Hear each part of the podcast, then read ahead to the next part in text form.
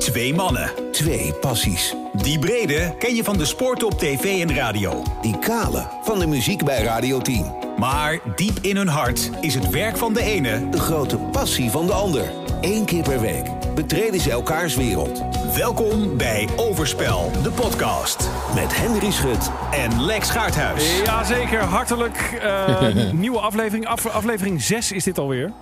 Van eh, deze Zo, podcast. snel? En voor het eerst, en dat hoor je misschien wel aan het geluid, zitten wij niet in één ruimte. Nou ja, ik zit in dezelfde ruimte waar we altijd zitten. Maar Henry Schut, waar ben jij? Weet je dat ik jou exact even goed hoor als normaal? Het is echt een fantastische verbinding. Hallo, hallo mensen.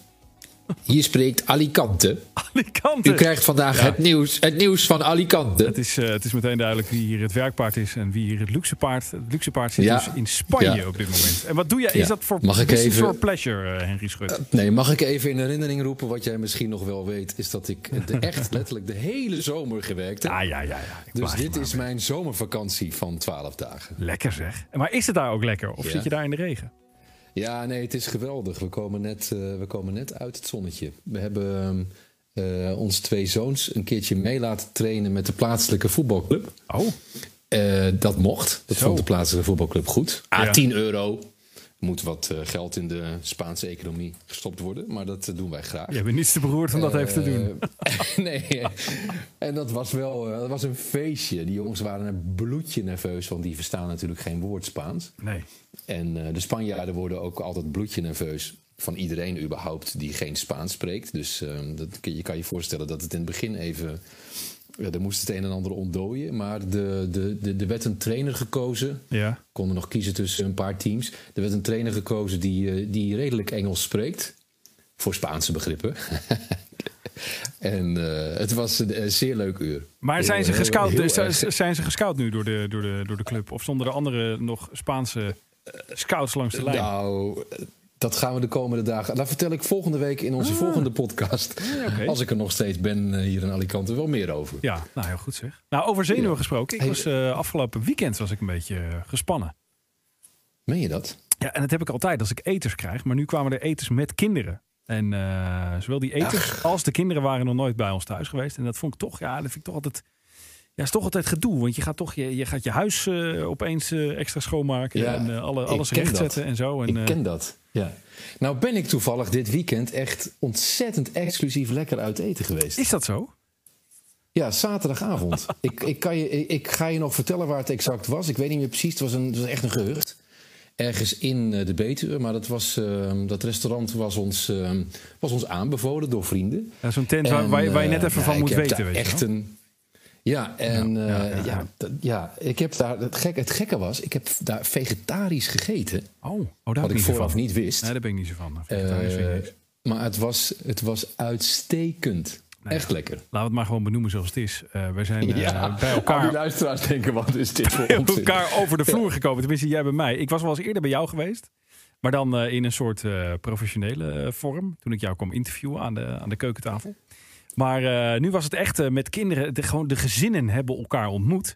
En nou, wonder boven wonder. Tenminste, dat was onze beleving. Dus je moet maar co- correct me if I'm wrong. Want jullie zijn daarna meteen gevlucht naar Spanje. Maar eh, volgens mij ging dat prima, toch? En waarom is dat wonder boven wonder? Nou ja, ik bedoel, het is toch altijd zo. Ze zeggen er wel eens van ja, als je dan vrienden bent, als twee mannen, zo vrienden, dan moet je de vrouw en de kinderen er eigenlijk buiten houden. Want dan komt er van alles, komt er een hele, ander- hele andere Oh, dynamiek. al- ja, nee, maar we wisten toch al lang dat dat goed zat. Want die vrouwen van ons Ja, die hebben waar. al een tijdje app-contact en zo. Nou, die hebben het zelfs over, een, eh, over een schaduwpodcast. Dus eh, om dan zeg maar onze podcast weer te, te analyseren vanuit het, het oogpunt van onze vrouw. Ja, God, wat zal dat voor luistercijfers opleveren, zeg? nou ja, ik, ik, ik zou er wel naar luisteren. Maar dat is puur om alles even te controleren. Ja, ik ook. Ja. Om te weten hoe het met ze gaat. Zeg, eh, Henry Schut, jij vanuit eh, Spanje Ja. met je niet al te volle telefoonbatterij, want jij belt nu in hier in de studio. Zullen wij gewoon beginnen? Doe maar. En dan moet je mij natuurlijk nu vertrouwen met de TOS. Want eh, wie begint er? Wie pleegt er als eerste overspel? Is dat Henry op het gebied van muziek of ik op het gebied van sport? Ik, ga, ik heb hier een munt, zeg maar, kop of munt. Kop. Nou, mag je toch weer beginnen hoor. Ja, ja, ja. ja, ja. Overspel, de podcast. Muziek. Ik ben heel eerlijk, hoor je? Nou, leuk man. Weet je nog vorige week? Toen had ik het over gerecyclede hits. Ja, zeker. Over uh, hè, dus eigenlijk de covers en de remakes en de remixen en de gesampelde hits. Uh, over met name het laatste jaar. Uh, ik kreeg daar nog, we kregen daar nog een prachtige online reactie op trouwens. Hè, van Lucas en Steve. Zo, die, nou die, hebben, ja. hem, die hebben hem geluisterd. Ehm, en ik ben dus ook heel blij dat ik, dat ik benoemd heb aan het einde dat ik zo gecharmeerd was van hun uh, hit Perfect. Hè, wat een bewerking was op, Ja. take, op Take On Me van AHA. Ja, maar je had al zo'n vermoeden dat ze gingen reageren waarschijnlijk. Want je hebt je Eh, ja, echt vakmatig waanzinnig ingedekt, moet ik zeggen. Ja, maar gelukkig meende ik het ook nog. Je en, meent het overigens ook wel, en overigens geldt hetzelfde ook voor No Diggity. Maar sowieso aan No Diggity kan je wat mij betreft echt niks verpesten. Daar kan je de slechtste cover ooit van maken. En dan vind ik het waarschijnlijk nog schitterend. Nou. Ja. Eh, dus, maar ehm, die reageerde op mijn... Nou ja, wat was het slotzinnetje volgens mij van dat blokje? Dat ik nog een tip voor ze had om Get Into It van Tony Scott eens onder handen te nemen. Ah, daar En is hij. Voor het eerst, wacht even. To- Tony Scott is, het woord Tony Scott, de woorden Tony Scott zijn gevallen. We zijn zes minuten onderweg. Dit is wel een, een lengterecord Laat. wat dat betreft. Dit is laat. Ja, in de laat, het is laat in de podcast. Maar we komen er later nog eh, verder op terug. Ja, op Instagram was: We gaan ermee aan de slag. ja, ja. Alleen stond er wel een smiley achter. Ja, dat, ja, nou die wilde ik even Ja. benoemen. Dus de- Maar die Ja. smiley heb ik even niet gezien. nee. En ik ga ervan uit Dus- dat ze ook dus- deze aflevering weer luisteren. Dus Lucas en Steve. Smiley, hartstikke leuk. Maar wij gaan er wel van uit dat er een waanzinnige remake ko- komt van Tony Scott. Meesterhit. Ja, Toch? mag ook van de Chiefs zijn natuurlijk. Ah, mag ook. Als het maar één van die hits. Of eh, ja. Hey, ik wil eigenlijk vandaag eh, geheel eigenlijk in stijl van het thema van vorige week. Wil ik het thema zelf recyclen. Dus ik wil het eigenlijk nog een keer over covers hebben. Je hebt echt vakantie. Eh, je hebt het gewoon niet voorbereid. Nou, ik heb het eh, eh, me dunkt voorbereid. Oh jee, nou, Want gaan we. eh, eh, dit- nou, dit begon toen ik de laatste top 40 zag, die van afgelopen vrijdag. ja. Waar, mijn, waar ik bijna van verbazing van mijn stoel viel, omdat ik zag dat een van die covers die we vorige week benoemd hadden, Cold Heart van Elton John en Dua Lipa, eh, met superstip naar 4 was gestegen in de top 40. Nou vind ik het best een leuke remake, maar ik dacht, nou, dat hoeft nou ook per se weer niet. Eh, dus eh, kijken wat we daar nog van kunnen verwachten. Maar daarmee eh, overtreft dat liedje nu bijna de beide originele. Hè, want het is Rocketman. Nou, dat is nooit een hit geweest in Nederland, dus dat was makkelijk overtreffen.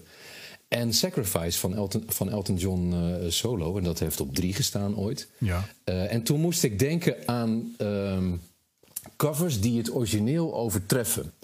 Eh, eh, je weet vast nog Paul de Leeuw, 1994, die eh, La Solitudine van Laura Pausini onmiddellijk vertaalde. En daar gebeurde toen iets heel grappigs mee, want het, eh, de cover stootte destijds de, het origineel van de eerste plaats in de hitparade. Was dat Ik wil niet dat je liegt? Of, Ja, ik wil niet dat je Ja, was ja. dat inderdaad. Ja. Met, met Kot en Humphrey Campbell nog in het achtergrondkoortje. En ehm, ehm, nou ja, en- en soms komen dingen samen. Want ik las in het vliegtuig eh, eh, hier naartoe een prachtig boek. eh, over nederpopmuziek. Dat heet 50 jaar nederpop, geschreven door Jan van der Plas. En ehm, eh, dat gaf eigenlijk antwoord op een, op een vraag die ik heel lang heb gehad. Ik zat, ik heb, zoals je weet, struin ik nog wel eens door hitdossiers en zo. Ja. En dan viel me altijd op dat helemaal in het begin van de Nederlandse popmuziek, in de jaren 50 en 60 was dat, dat, ehm, dat heel veel Nederlandse artiesten gelijk in de hitlijsten stonden met, het, met een liedje eh, dat ze hadden gecoverd. En ik vroeg me altijd af, waarom is dat? Eh, hoe, hoe kan dat en hoe kan je dat überhaupt al meteen ook een cover klaar hebben? Hè? Want je zou toch denken, daar gaat wat tijd overheen. Ehm, maar daar blijkt wel een heel interessant verhaal eh, achter te zitten. Je moet eigenlijk het boek lezen, want het, voert veel te lang natuurlijk om dat nu in zijn totaliteit te vertellen. Maar ik zeg er even bij dat de Nederlandse popmuziek, eh, gechargeerd, ontstaan is. ehm, eh, omdat het kwam overwaaien uit Amerika. Heel belangrijk is geweest Rock Around the Clock.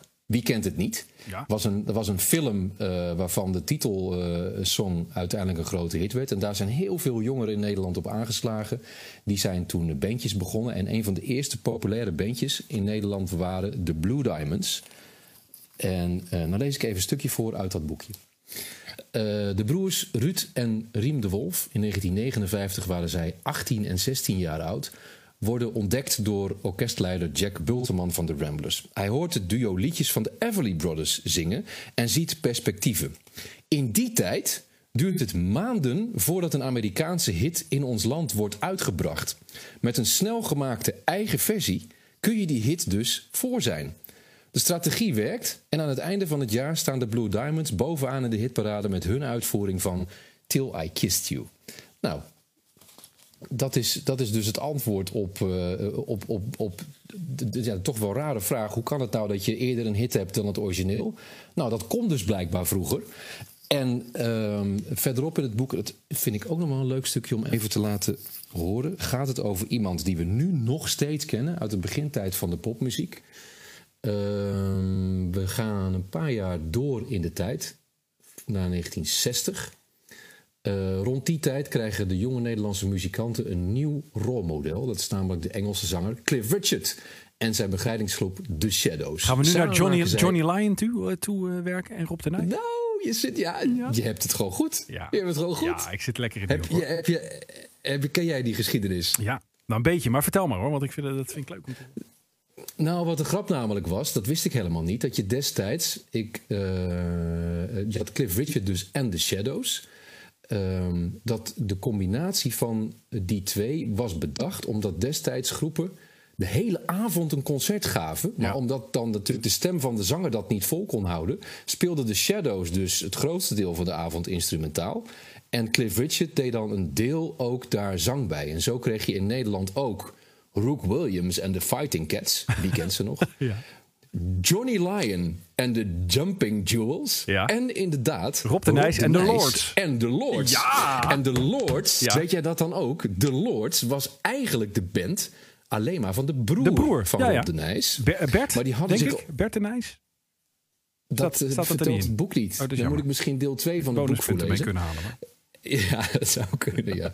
Maar die hadden zich ooit ingeschreven voor een talentenjacht. Ja. En eh, daarbij moesten ze ook een aantal vocale stukken doen. En eh toen hadden ze dus een zanger nodig. En dat werd Rob de Nijs. Ja. Ze wonnen. En de hoofdprijs was een platencontract voor drie singles. De eerste twee singles flopten.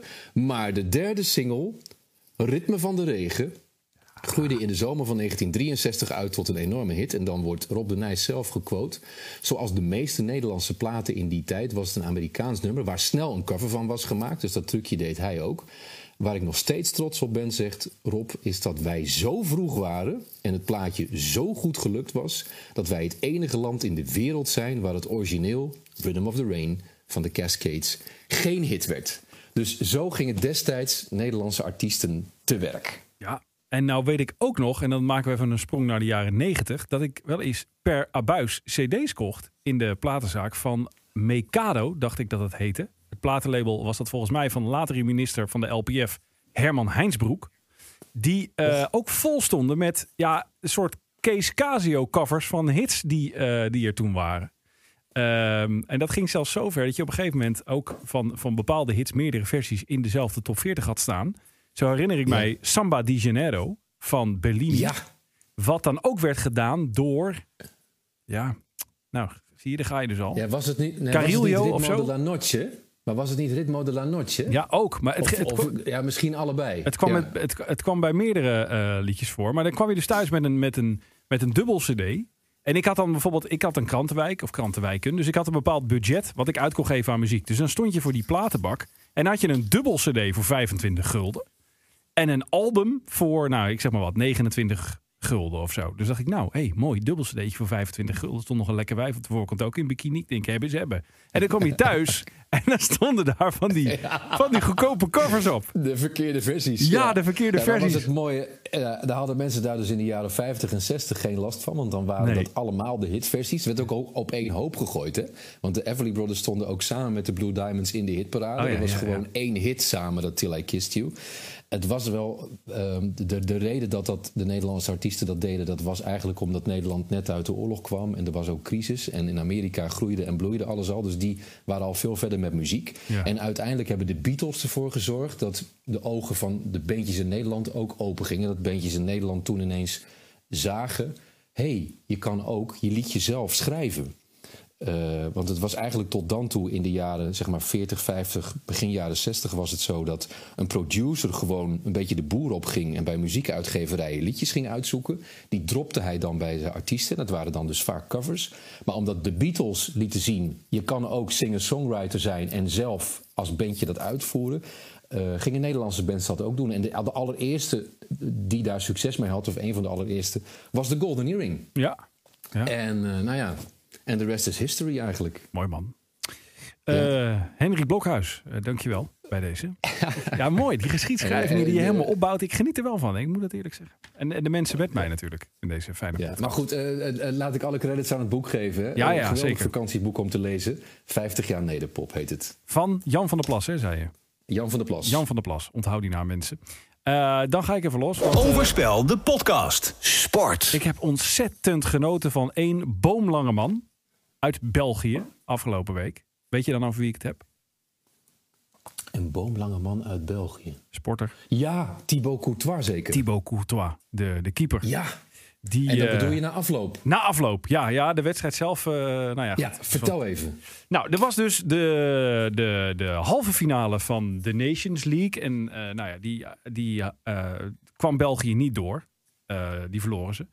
Um, en toen was er een troostfinale. Nou vind ik dat sowieso al een... Kijk, bij judo snap ik het nog enigszins. Maar bij voetbal heb ik dat nooit begrepen. Wij hebben toen ook die troostfinale in, was dat Brazilië gewonnen? Onder Louis van Ja. Gaal.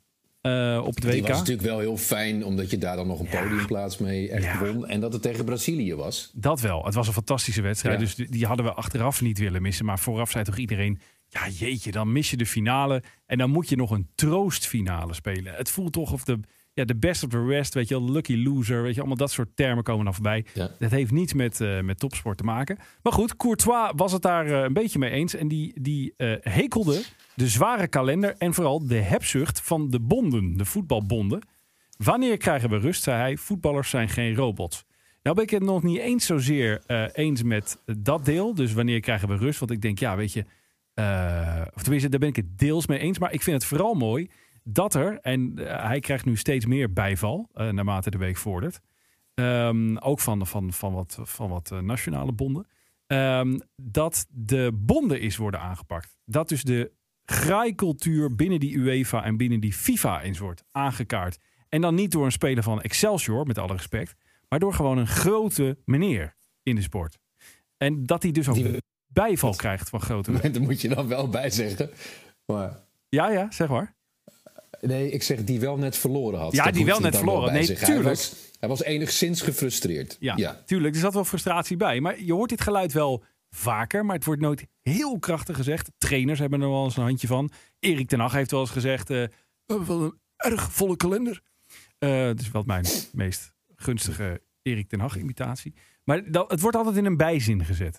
Maar het wordt nooit echt zo pas naar voren gebracht. En toen las Nee, ik... ja. Ehm, en toen dacht ik, het is, het, het is tijd voor rebellie in brede zin in de sport. Toen las ik het volgende vandaag. De Nederlandse teamsprinsters, die vorige week Europees kampioen werden, ontbreken op het WK baanwielrennen. Internationale Wielerunie namelijk, UCI, die houdt vast aan de regel die ze zelf hebben verzonnen. Dat continentale kampioenen alleen welkom zijn als hun land heeft voldaan aan de eis om aan tenminste één wedstrijd uit de Nations Cup, dus ook daar al, aan de Nations Cup te hebben deelgenomen. Eh, ook hier dus weer een soort ja, bonustoernooi wat in het leven wordt geroepen. In dit geval in het baanwielrennen is een beetje te vergelijken als je ja, enigszins te vergelijken met de Nations League in het voetbal. Eh, en er worden dus ook weer allerlei. Wat de Nations League vind ik dus ook een totaal overbodig toernooi. Zeg ik er bij deze ook maar bij. Ehm, en weer wordt er dus door een bond bepaald dat een nota bene Europees kampioen niet mag meedoen aan het wereldkampioenschap. Ja, Dus- Ze waren niet eens de enige. Er, was Nee. nog een, eh, een duo Europees kampioen. eh, wat ook niet mocht. En, en, en zeggen voor de duidelijkheid dan ook even bij nog. Het was ook nog eens coronatijd, hè, de afgelopen periode. Ja. Dus het was ook nog gewoon een hele goed aanwijsbare reden... Ja. waarom je aan een flink aantal wedstrijden niet mee hebt kunnen doen. Nee. Ja, het is, ja, dit wordt geen discussie, ben ik bang. Eh, of misschien toch wel, want je zei net bij eh, dat Courtois... dat je het deels met hem eens bent.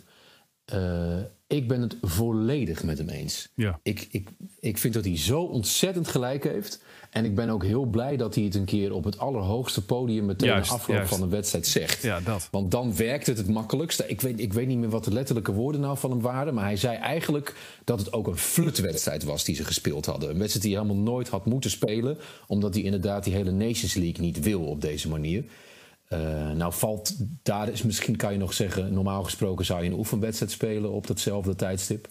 Ehm, want daar is die Nations League om begonnen. Hè? Dat zijn eigenlijk de Ja. veredelde oefenwedstrijden. Maar ik snap wel wat hij bedoelt, want dat is een hele andere intensiteit. Nu moet je toch weer ook zo'n finale ronde erachteraan spelen. En het is toch om een prijs, dus je gaat toch serieus.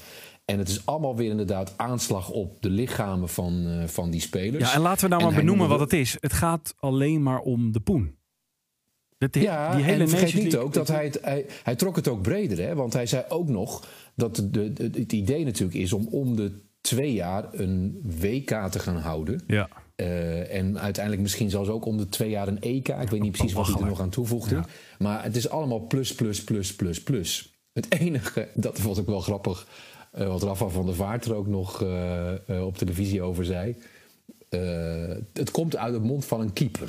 En dat is dan Ja, daar hebben nou voetballers net, altijd iets is misschien nou net, nee, Nou. dat dan misschien nou net de enige op het veld die het minste recht van spreken Ja, ja, ja, heeft. Die staat natuurlijk het grootste gedeelte van de wedstrijd stil. Nou, is het Dus misschien wel- in principe Ja, wel het- een wedstrijdje bij hebben nog. Het had sterker geweest als iemand van de winnende partij het had gezegd. Dan had het nog meer Ja, en de gemaakt. spits of zo. Maar Of wat zou er nou gebeuren? kilometers- Wat zou er nou gebeuren als de grote jongens zeggen: wij doen niet meer mee? Dan stel je maar een andere Belg op. Ik ga daar niet meer staan. Ja. Maar De, dat is, dat is de ehm, enige stap die je kan zetten om er echt iets aan gedaan te krijgen, denk ik. Ja, Toch? dat, ja dat, dat denk ik wel. Ja, tenzij inderdaad een paar bonden zo slim zijn om dat, eh, om dat voortouw daarin te nemen. Nou, dat denk ik niet. Want dat zijn ook allemaal mensen die, die, die belang hebben bij het plus en belang hebben bij het geld wat daarbij komt kijken. Ik geloof daar niet zo in. Maar het, het, mijn, mijn, mijn, mijn, mijn vreugde zat hem vooral in de rebellie. Want ook de, de, de, de baanwielrenners die hier dus door getroffen zijn. Want jij zei inderdaad, er is nog een duo. Jan-Willem van Schip en uh, Juri Havik. ja, eh, op de koppelkoers. Die ontbreken vanwege de regels van de UCI volgende week ook op de WK. Eh, die, die, zijn, die zijn er ook helemaal klaar mee. Dus ik, ik roep bij deze op. En we weten dat we veel invloed hebben inmiddels in deze podcast. Tot, tot, tot sportoverstijgende rebellie tegen de bonden, tegen de zakkenvullers. En probeer, al is het misschien utopisch, om een stukje van die sport terug te pakken. Nou, ik heb gezegd. Dank u wel. ja. Mag ik er nog één vraag over stellen? Zeker. Hoe kan je eh, rebelleren als baanrenner als je al niet mee mag doen aan dat toernooi? Je kan moeilijk zeggen, ik doe voor straf niet mee. Nee, maar je kan, je kan wel een keer je, je, je muil opentrekken, om het maar even op zijn plat Hollands te zeggen. Maar Ja. echt opentrekken ook, hè? Duidelijk. Ja. En dat, eh, dat ja. gebeurt steeds vaker en ik juich het alleen maar toe. Wij eh, gaan, voordat wij even terugkoppelen nog op eh, Tony Scott, nog even de vluggetjes behandelen. Er Overspel de podcast. Presenteert De vluggertjes. gebeurde weer heel veel op muziek- en sportniveau. We beginnen eh, met de muziek. Eh, volgens Paul McCartney was John Lennon de eerste die de Beatles verliet. Het einde van de band wordt vaak toegeschreven aan een ruzie tussen McCartney en de rest. Maar in een interview met de BBC zegt de zanger nu dat Lennon juist als eerste opstapte. Ja, dat is toch gek? Ja? Het is, ik moet wel eerlijk zeggen, maakt jou het iets uit? Mij niet zoveel. Nou, nee, mij maakt het ook niet veel uit. Maar ik vond een, een leuke eh, twist in de geschiedschrijving die toch al jaren Ja, omdat is. het bedoel, omdat dat dus blijkbaar, wat is het, meer dan 50 jaar is blijven liggen. En omdat we dus al die tijd hebben gedacht dat het door Paul McCartney kwam. Ook volgens mij was het omdat hij als eerste destijds zou hebben gezegd dat de Beatles niet meer bestonden. Ja. Daar heeft iedereen, als ik het goed begrepen heb, de conclusie uitgetrokken Ja, dat daardoor de Beatles gestopt waren met de schuld van Paul McCartney. Terwijl Ja. hij het gewoon toen gezegd heeft. Dat Nou ja, is eigenlijk en- gek, en- de er zijn nog ter steeds- wereld en niemand, niemand die even verifieert eh, hoe nee, zit dat exact. precies. Dat is toch bizar dat dat Ja. al nu pas... eh, en hij was er ook een beetje klaar mee, begreep ik al jaren. Dat, dat mensen hem daar dus nog steeds op aankeken. Terwijl hij zei, ja, maar het, het is mijn schuld niet per se alleen. Het was een, een, een, een breder besluit dan dat. En dat kwam in eerste instantie niet van mij. Dus vond ik toch een geinig, eh, geinig vluchtje om even mee te Zou het nemen. heel erg zijn geweest, achteraf? Nou, ja. Weet ik Ze hebben niet. zes, zeven jaar schitterende platen Precies, gemaakt. ze zijn op het En, hoogtepunt er zijn maar weinig bands. Precies, er zijn maar weinig bands die daarna nog, eh, nog hele grote, grote albums maken. Nee. Zal zo lang bezig zijn. Ja, daarom. Dus eh, achteraf, maar goed. Eh, dan hebben we ook nog eh Stromae. Stromae, zeg jij Stromae of Stromae? Stromae. Stromae, van Maestro, hè? Ja, Stromae. Ja, ik zeg dat Stromae. Dan heb ik het altijd goed gezegd. Eh, die keert na zes jaar afwezigheid terug op het podium. De Belgische zanger maakt volgende zomer zijn comeback. Drie festivals kondigden eh, zijn komst aan. Dan hebben we het over eh Werchtig Boutique, eh Les Ardentes en Rock en Scène. Nou, dat, is, dat zijn de details. Maar ik, mijn hart maakte een huppeltje toen ik zag dat hij weer terug is. En hij komt ook met een nieuw album. En dat is ook zes jaar geleden. Of zeven Ja. jaar als het uitkomt. Is hij lang weg geweest? Hè? Hij is heel ziek geweest, hè? Ja, en hij, heeft eh, zich ook, verhaal eh, was dat. en hij heeft zich ook bezig gehouden met de modelijn van zijn vriendin. Nou, ik Die op heb- zich een goed streven. Die heb ik op zich gemist. Maar eh, ja, ik vind het een, een muzikaal genie. Ik ben heel benieuwd wel, wel hoe het nu in alle opzichten met hem is. Want, want hij, had dus, hij had- heeft dus malaria gekregen. Ja, Maar is vooral ziek geworden van verkeerde medicatie daarna. En toen blijkbaar dus met die boutique bezig geweest. Of met, wat zei je nou, met de modelijn? Ja, Ik had twee, modelijn, dingen- twee dingen ja. op elkaar. ja. Werkt de boutique en de modelijn? ja. het wordt daar waarschijnlijk verkocht ook. ja, ja. Maar ik ben wel, eh, want ik ben ook een beetje bang, dat is nergens op gebaseerd hoor, maar dat dit zo'n artiest is, omdat dat album zo anders was dan alle, überhaupt alle andere muziek, maar ook in de tijd waarin het uitgebracht werd, zo opviel. Ben ik heel benieuwd waar hij dan nu mee gaat komen. Ja, maar het zijn al meerdere albums hè, die hij op zijn naam heeft staan. Het, was niet, eh, het is niet de opvolger van zijn maar het debuutalbum. was natuurlijk. Nee, oké, maar dat debuutalbum, daar stond natuurlijk Alors on Dance op. En dat Ja. was het. Ja. En, eh, en dat album daarna, dat was met Papa Outé en Formidable. Ja. En die voetbalhits die erachter Racine Carré heette dat. Van de, ja. Ja. en ehm, het zou ook zomaar zo'n artiest kunnen zijn die dan daarna niet meer kan leveren. Nee, dat denk ik absoluut begrijpen. niet. Dat denk ik Weet je absoluut Nee, niet. denk je dat niet? Nee, ik, denk dat dit er- weer briljant wordt. Ja? Ja. En zo, zo, zo denk ik ook steeds, waar is nou toch die Gotye gebleven van Somebody That I Used To Know? Je, die heeft één briljante plaat gemaakt. Eigenlijk één briljante single. En, eh, en dat is het. Dat, is, was het. dat is voor mij een categorie eh, blijf maar weg. Want ik vond die plaat al... eh, Oké, doe het volgende kortje maar. We gaan naar de sportkortjes. De Zuid-Koreaanse shorttrekster Shim Suk Hee, ik hoop dat ik het goed, eh, goed uitspreek, is voorlopig uit de nationale ploeg gezet vanwege bedenkelijke sms'jes die ze tijdens de winterspelen van 2018 heeft verstuurd. Eh, in de tekstberichten die vorige week naar buiten kwamen, suggereerde eh, de shorttrack Shim dat ze haar landgenote Choi Min Jung opzettelijk onderuit zou halen als een race niet volgens haar plan zou gaan. Nou is dat op zich niet zo erg, maar dat laatste gebeurde ook in de Olympische finale van de 1000 meter, die Suzanne Schulting won. Eh, dit ging uiteindelijk om de plaatsen 4 en 5. Maar in de voorlaatste bocht kwamen de twee Zuid-Koreaanse met elkaar in aanraking, waarna ze allebei onderuit gleden. Ja, dit, het komt bijna eh, terug op ons matchfixing verhaal van vorige week. van eh, ja, in hoeverre zijn bepaalde ongelukkigheden dan gepland? Want zo ga je dan naar een wedstrijd kijken. Ja, het- ja ik, ik, had het, ik zag het meer in de andere categorie. Dat er nou eindelijk eens een keer naar buiten komt dat er ook gewoon haat en nijd is Ja. onderling. Waardoor je soms iets expres verkeerd doet. En eh, omdat je elkaar ook gewoon niet altijd mag. Ook al zit je bij elkaar in het nationale team. Ik bedoel, ik praat niks goed. Maar ik dacht wel, ja, niks menselijks is eh, sport is vreemd. En ik zou, het me, ik zou het me heel goed kunnen voorstellen dat je zo de pest aan elkaar hebt. Dat je even denkt, nou, we kunnen niet meer winnen, even een tikkie. Nou, weet je, precies, ik win niet, maar dan win jij ook niet. Ja, ook niet trut. Ja, hier, hoppakee, daar ga je. Ja, precies dat. En bij dat shorttrack is natuurlijk de ideale sport ervoor. Want het is gewoon één tikkie. En je ligt met z'n tweeën. Maar- En het is ook niet in de finale kan je niet meer naar voren worden gehaald Nee, of dat zo, is of waar. gezet Nee, dat in is de waar. uitslag. Dus dan ben je gewoon weg. Ja. Nou, Ja. ik heb met, met, de, met de wetenschap van nu, heb ik dus eh, die rit nog een keer teruggekeken. Ja, ik vond het nog leuker. Och. Ik kan er niks aan doen. Ja. Ja. Dat had ook wel te maken met Suzanne. Schulting die hem won hoor. Dat, dat, daar zat het ook nog steeds wel in. Maar... Die hem overigens zeer terecht won. Hè? Het was niet dat Suzanne daardoor won. Nee, nee, nee. Het was, eh, die, die lag gewoon al op kop. En, eh, maar goed, bij shorttrack kan er veel gebeuren. Dus een podiumplek had natuurlijk nog best gekund voor een van die twee Koreaanse. Eh, dan hebben we nog, over geld in de sport gesproken, de eh, overname van Newcastle United, Engels voetbalclub, door de Saoedische suikeroom, zo wordt hij daar al genoemd. Ehm, die eh, ja, Newcastle in één klap de rijkste club in ieder geval van Engeland maakt. Maar een van de rijkste clubs ter wereld meteen. Want ik weet niet of jij het vermogen hebt gezien van deze Saoedische suikeroom. Ja, Ja, om en nabij. Ik, ik kan er een miljardje naast zitten. dat maakt in dit geval Ook niet twee? uit. Ja, Nee, was het 350 miljard? Ja, het, het, dus het was tientallen keren meer dan de club die daarna komt. Dat is Manchester City. Eh, de eigenaar daar, eh, zijn banksaldo, zullen we maar zeggen. En ja, eh, dus gaan er meteen transfergeruchten. De fans stonden te juichen in uh, Saoedische pakken bui- buiten het stadion toen het bekend werd. Maar er staan ook Nederlanders op de transferlijst van Newcastle. Tenminste, als wij de Italiaanse pers mogen geloven. Gaan Stefan de Vrij en Matthijs de Licht binnenkort die kant op. Ja. Ja, ik vind. eh, wat vind je, heb jij iets met Newcastle United als club? Heb je daar een gevoel bij? Nee, niet, nee, nee, niet per se. Nee, en, eh, en, en, en nu nog minder. Ja. Hoewel ik dat ook wel weer lastig vind hoor. Want inmiddels zit er zoveel van dat soort geld in voetbal. dat je het ook wel stapje voor stapje los begint te laten. Maar Ja. ik moet zeggen dat. dat ehm, ja, nee, dat, als clubs door dit soort geld. ehm, de, de, de wereld bestormen. dan, eh, dan heb ik daar heel weinig mee.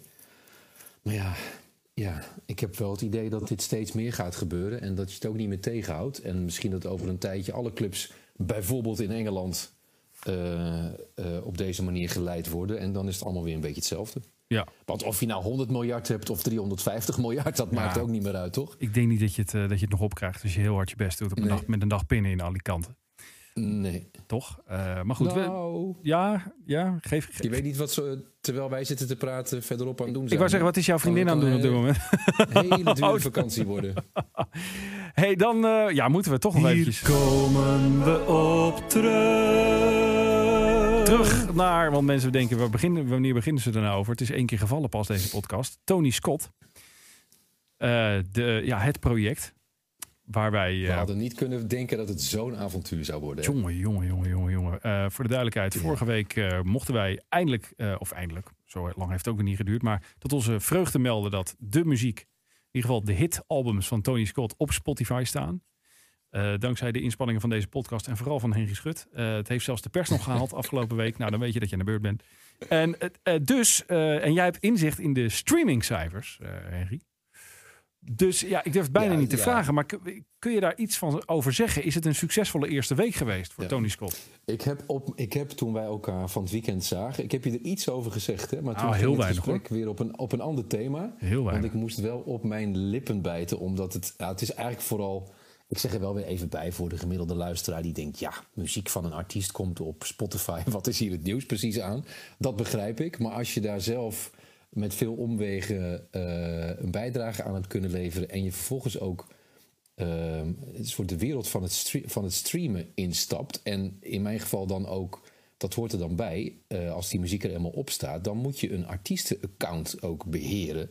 Om, eh, eh, om ook te kunnen, te kunnen beschikken over, over cijfers en om ook iets te kunnen veranderen aan dat account. Dus ik ben ook dat account een beetje aan het oppimpen. En een eh biografietekstje heb ik toegevoegd. En foto's. En nou ja, meer van dat soort dingen. En je kan inderdaad, en dat is wel, dat beantwoordt eigenlijk aan al mijn, nou ik bijna, zou bijna zeggen, autistische trekjes. Ehm, je, kan, je, kan, je kan alle statistieken zien. Dus eh, het grappige is, dat hadden we helemaal niet zo gepland. Dat echt vlak voor de opname van onze vorige podcast de muziek er ook definitief op stond. Hè? Want het was echt een Ja. kwestie van.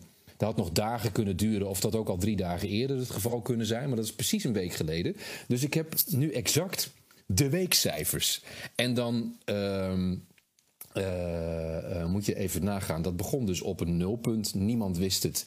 En we hebben nu, nou, ik geloof het enige wat we nu aan de reclame hebben gehad, is dat jouw ehm, eh, goede collega Gerard Ekdom het één keer heeft gezegd. Omdat ehm, er een remix werd gedraaid hè, van Tony Scott. Ja, RTL Boulevard heeft het nog gemeld. Hebben die iets gemeld? Ja. Ach, wat geweldig. Op een site, heel bericht. Ja. Oh ja. Ja, dat Ik weet niet of het in de precies, uitzending dat was zat, dat maar- bericht. Ja. Ja. nee, ja, precies. Maar als je, als je het hebt over... eh, heeft het echt media, radio, tv gehaald... dan was het denk ik een zin van Ekdom. Eh, zitten we na een week boven de 3000 streams. Keurig, denk ik. En eh, waar ik heel blij van werd... was dat er al 126 playlists bestaan waarop hij staat... Wat dus betekent dat 126 mensen daadwerkelijk hem hebben toegevoegd aan een playlist. En daarmee verspreidt het zich natuurlijk makkelijker. Hè? Want Ja. andere mensen sluiten zich dan aan aan een playlist en die gaan dat. En dan krijg je dingen als, dat vind ik dan zo leuk om te zien. eh, de ehm, eh, percentages man-vrouw en anderen die er naar luisteren. Ja, mag ik een gokje doen? Raad jij eens, Ja. raad jij eens hoeveel procent van de luisteraars van Tony Scott is vrouw? Ik denk 12 procent. Nou, je zit iets te laag. Oh, oké. Het is 20. Maar raad nu nog eens, hoeveel procent is dan man? Ja, want je hebt ook de, de, de non-binaire categorie, weet ik, hè, op Spotify al. Ja, ja. Dan, eh, wat zei je nou bij de vrouw? 20. 20. Dan is eh eh 75% man. 78% is Oh. man, 1% is non-binair Ja. en 1% is niet gespecificeerd. Hip. Eh, dat is, ja. Ja. precies. Ik vond het ook vrij hip Helemaal woke. voor deze oude muziek. Ja. Ehm, dan eh, verdeling in leeftijd. Die is ook mooi. Ehm gok eens hoeveel mensen er onder de 27 jaar zijn. Nou, nul, denk ik. 8 procent. Oh, dat vind ik nog veel. Ja, ehm, er zijn, eh, de, de, het overgrote deel is tussen de 45 en de 60. Ja, ben zelf, ben zelf 45, dus ik begrijp dat volkomen. keurig. 70% van de luisteraars is tussen de 45 en 60. En dan, dit vind ik de allerleukste. En dat is ook het laatste, want dan bewaar ik de rest eh, voor een andere keer. Eh nou hadden wij dus twee weken geleden in onze podcast eh, de platenbaas van Tony? Ja. van de voormalige platenmaatschappij, opgeheven inmiddels. Rhythm Records, Peter Duikersloot aan de lijn. En toen zei jij, toch met gepaste trots, nadat hij toestemming had gegeven aan ons om dat te gaan proberen te regelen. Ik quote jou nu. Dan zouden wij ervoor kunnen zorgen dat de hele wereld Ja. Tony Scott alsnog kan horen. Ja, ik denk En meteen internationaal. Hè? Dat, i- dat, dat is misschien mijn makker. Maar... ja, ja. nou, je, bent wel een, eh, je hebt een vooruitziende blik. Eh, Peter zei toen met een licht ironische stem: Ja, de hele wereld. Peter wist natuurlijk wel dat Tony enig succes had gehad. Hè. Ik geloof het, eh, het echte hitparade succes was vooral Nederland. Ja. En een, beetje, en een beetje België. Maar hij was ook wel in een bepaalde scene bekend in andere landen. In Amerika heeft eh, de Chief het volgens mij in de clubs en zo heel goed gedaan. Ehm, ik, ik ga je even een paar plaatsnamen opnoemen. waar de luisteraars van de eerste week vandaan komen. Ja. Conversano in Italië, Oslo in Noorwegen, Greifsve- Greifswald, Hagen en Heikendorf en vele andere plaatsen in Duitsland, Medellin in Colombia, Capellen en Ottigny, ik weet niet of ik het goed uitspreek, in België, Sydney en Brisbane in Australië, Christchurch in Nieuw-Zeeland. London, Coventry en Manchester en Homestead en Walton on Thames en vele andere plaatsen in Groot-Brittannië, Philadelphia en waar is mijn andere blaadje? Eh, en, Chica- en Chicago Oh. Ja. in de USA. Tampere in Finland, Hoppakee. Mumbai in India, Ja. Johannesburg in Zuid-Afrika. In volgorde van de meeste streams tot de minste streams is Tony Scott de afgelopen week gestreamd in Nederland, Engeland, Italië, Duitsland, Australië, USA, Zwitserland, België, Canada, Spanje. Het is niet alleen dat ik dat ben, dat zijn ook nog andere mensen in Spanje. Zweden, Turkije, Denemarken, Noorwegen, Frankrijk, India, Zuid-Afrika, Slowakije, Colombia, Oekraïne, Finland, Oostenrijk, Nepal en Griekenland. 25 landen. Hoor even schut. Wacht even hoor. 1, 2. Ik plak mijzelf het sticker visionair op. Doe ik gewoon. Ik ben Schaamteloos. Schaamteloos. Internationaal succes. Dankzij deze podcast. Kunnen we dan ook zeggen dat deze podcast een internationaal succes is? Nou, daar heb ik dan weer inzicht in. In die eh, statistieken. Het aantal landen ook? Eh, zal, ik, zal ik as we speak gewoon even kijken? Ja. Wij, nou, ho, ho, ho. Oké, het is geen Tony Scott. Dat zeg ik er meteen bij. Maar wij worden ook eh, in meerdere delen van de, van de wereld beluisterd. Zoals daar zijn Nederland, België, Spanje en eh, Zweden. Nou, hier. Nou, geweldig. Hey, en als we toch in Zweden eh, zijn, want we zijn heel lekker bezig met, eh, met bruggetjes. Eh, mag ik eh, het laatste onderdeel meteen eh, beetpakken? Yes. Ja. Spotify of Spotify! Orgeltje. Mooi. Ja, want eh, ik heb een greep gedaan deze week eh, in, mijn, eh, in mijn platenkast. Eh, tenminste, mijn digitale platenkast, want ik heb alles gedigitaliseerd tot gruwel van jou. Nou, je hebt het gezien, hè? Er was nergens, nergens een cd of, een, of een, een stuk vinyl te bekennen, behalve de Ome Henk single die jij mij vorige week gegeven hebt. Ik, ik kan dat bevestigen. Ja. Ehm, dus ik heb eh, met het Pim Pam Pet spel gedraaid. Het kwam op de E. Toen dacht ik, oeh, de E. Ja, ik, kwam, ik dacht, nou, dan heb ik grote kans op Extins. De man die ook Ja. overigens op zijn Instagram-account de muziek van Tony, Spot, eh, Tony Scott op Spotify gedeeld heeft. Ook wel leuk om te vermelden. Wat lieve mannen. Ja, een is dat ook. toch? Eh, maar ik kwam eh, na een blinde greep onder eh, de E niet uit bij Extins, maar bij een Zweedse Eurodance muzikant. Ik verwacht hier enige weerstand van jouw kant vanuit Spanje. Want hier komt hij, Bo Martin Erik Eriksen. Het zal je niks zeggen. Geboren op 27 augustus 1965. Mag ik raden? Mag ik raden? Ja. E-Type? Wauw, dit is... Echt? Ja, ja, dit is E-Type, ja. ja, Dit gaat niemand geloven. Nee, en dan- Iedereen denkt dat ik naast je zit nu. Nee, absoluut niet. Ehm, En dan denk je natuurlijk, oh, hij heeft kampioen 2000 in zijn, in zijn platenkastje. Nee. Ja, die had nog iets. Ja. nee. Hij had ook This Is The Way. Dat was een andere Ja. top 40 hit in Nederland. Dat was al in 1995.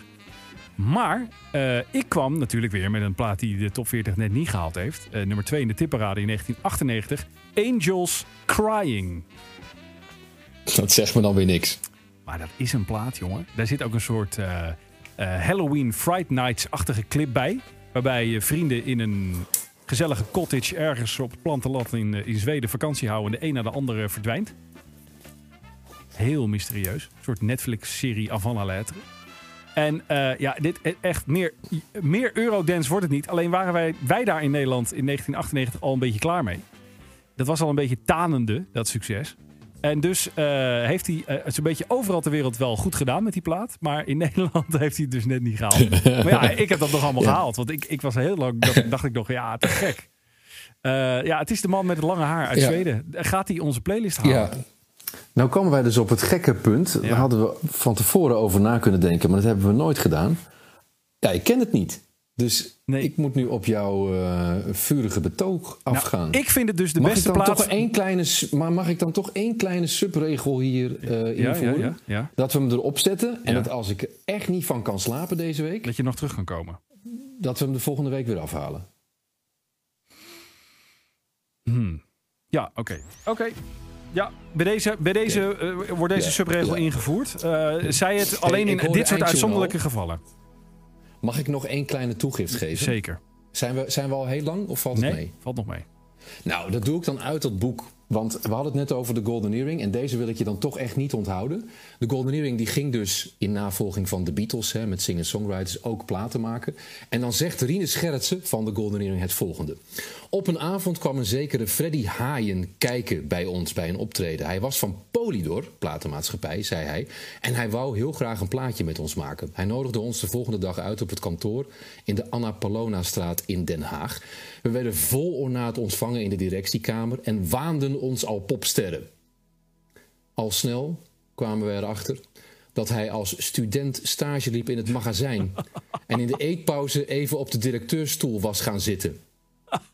En nou komt het. Ja.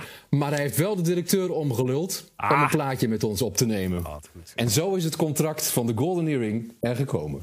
Mooi. Moeten wij ook nog iets eh, op de Overspelde podcast playlist zetten die je vindt op eh, ons Instagram-account of via ons Instagram-account van de Golden Earring om ze te Ja. eren? Ja. Mag ik dan eh, opteren voor eh, Twilight Zone? Dat mag zeker. Ja. Ja. Wat een hele grote stilte dit. Ja, nee, ik, kom ik nou, ik heb een, een week achter de rug waarin ik eh, Anita van Tour Limited heb, ge- heb geïnterviewd. Dus ik dacht meteen Ja. aan Tour Limited. Ik dacht, waar komt die nou vandaan? Maar je had het over de Golden Earring. Oké, dan gaan we die Yes. toevoegen. Dan zet ik ook Ritme van de Regen van Rob de Nijs en de Lords erop. Gewoon dat het kan. Eh, E-Type komt er onder voorbehoud op. En eh, moeten wij nog iets van Stromae toevoegen? Ja, zeker wel. En welke dan, wat jou betreft? Ehm, formidabele. Formidabele. Zetten we er ook bij. Of Papa Oute, wat vind je? Nou, ik vind Formidabele vind ik net iets beter. Formidabele. Formidabele. Nou, we hopen dat je deze uitzending ook weer formidabel hebt gevonden. Vanuit Alicante, eh Henry Schut, bedankt. We zullen het nooit, nooit vergeten. En ben jij dan volgende week weer in de studio? Of, eh, Nee, dan zit ik nog steeds hier en dan eh, spreek ik eh, vloeiend Spaans. Mooi. Tot dan. Maar niet tegen jou. Oh, nou, dat wordt een hele gekke aflevering. Tot dan, lieve mensen. Dit was Overspel, de podcast. Abonneer je gratis en vergeet niet je recensie achter te laten op jouw favoriete podcastplatform. Meer Overspel met Henry en Lex? Volg de mannen op instagram.com slash overspel de podcast.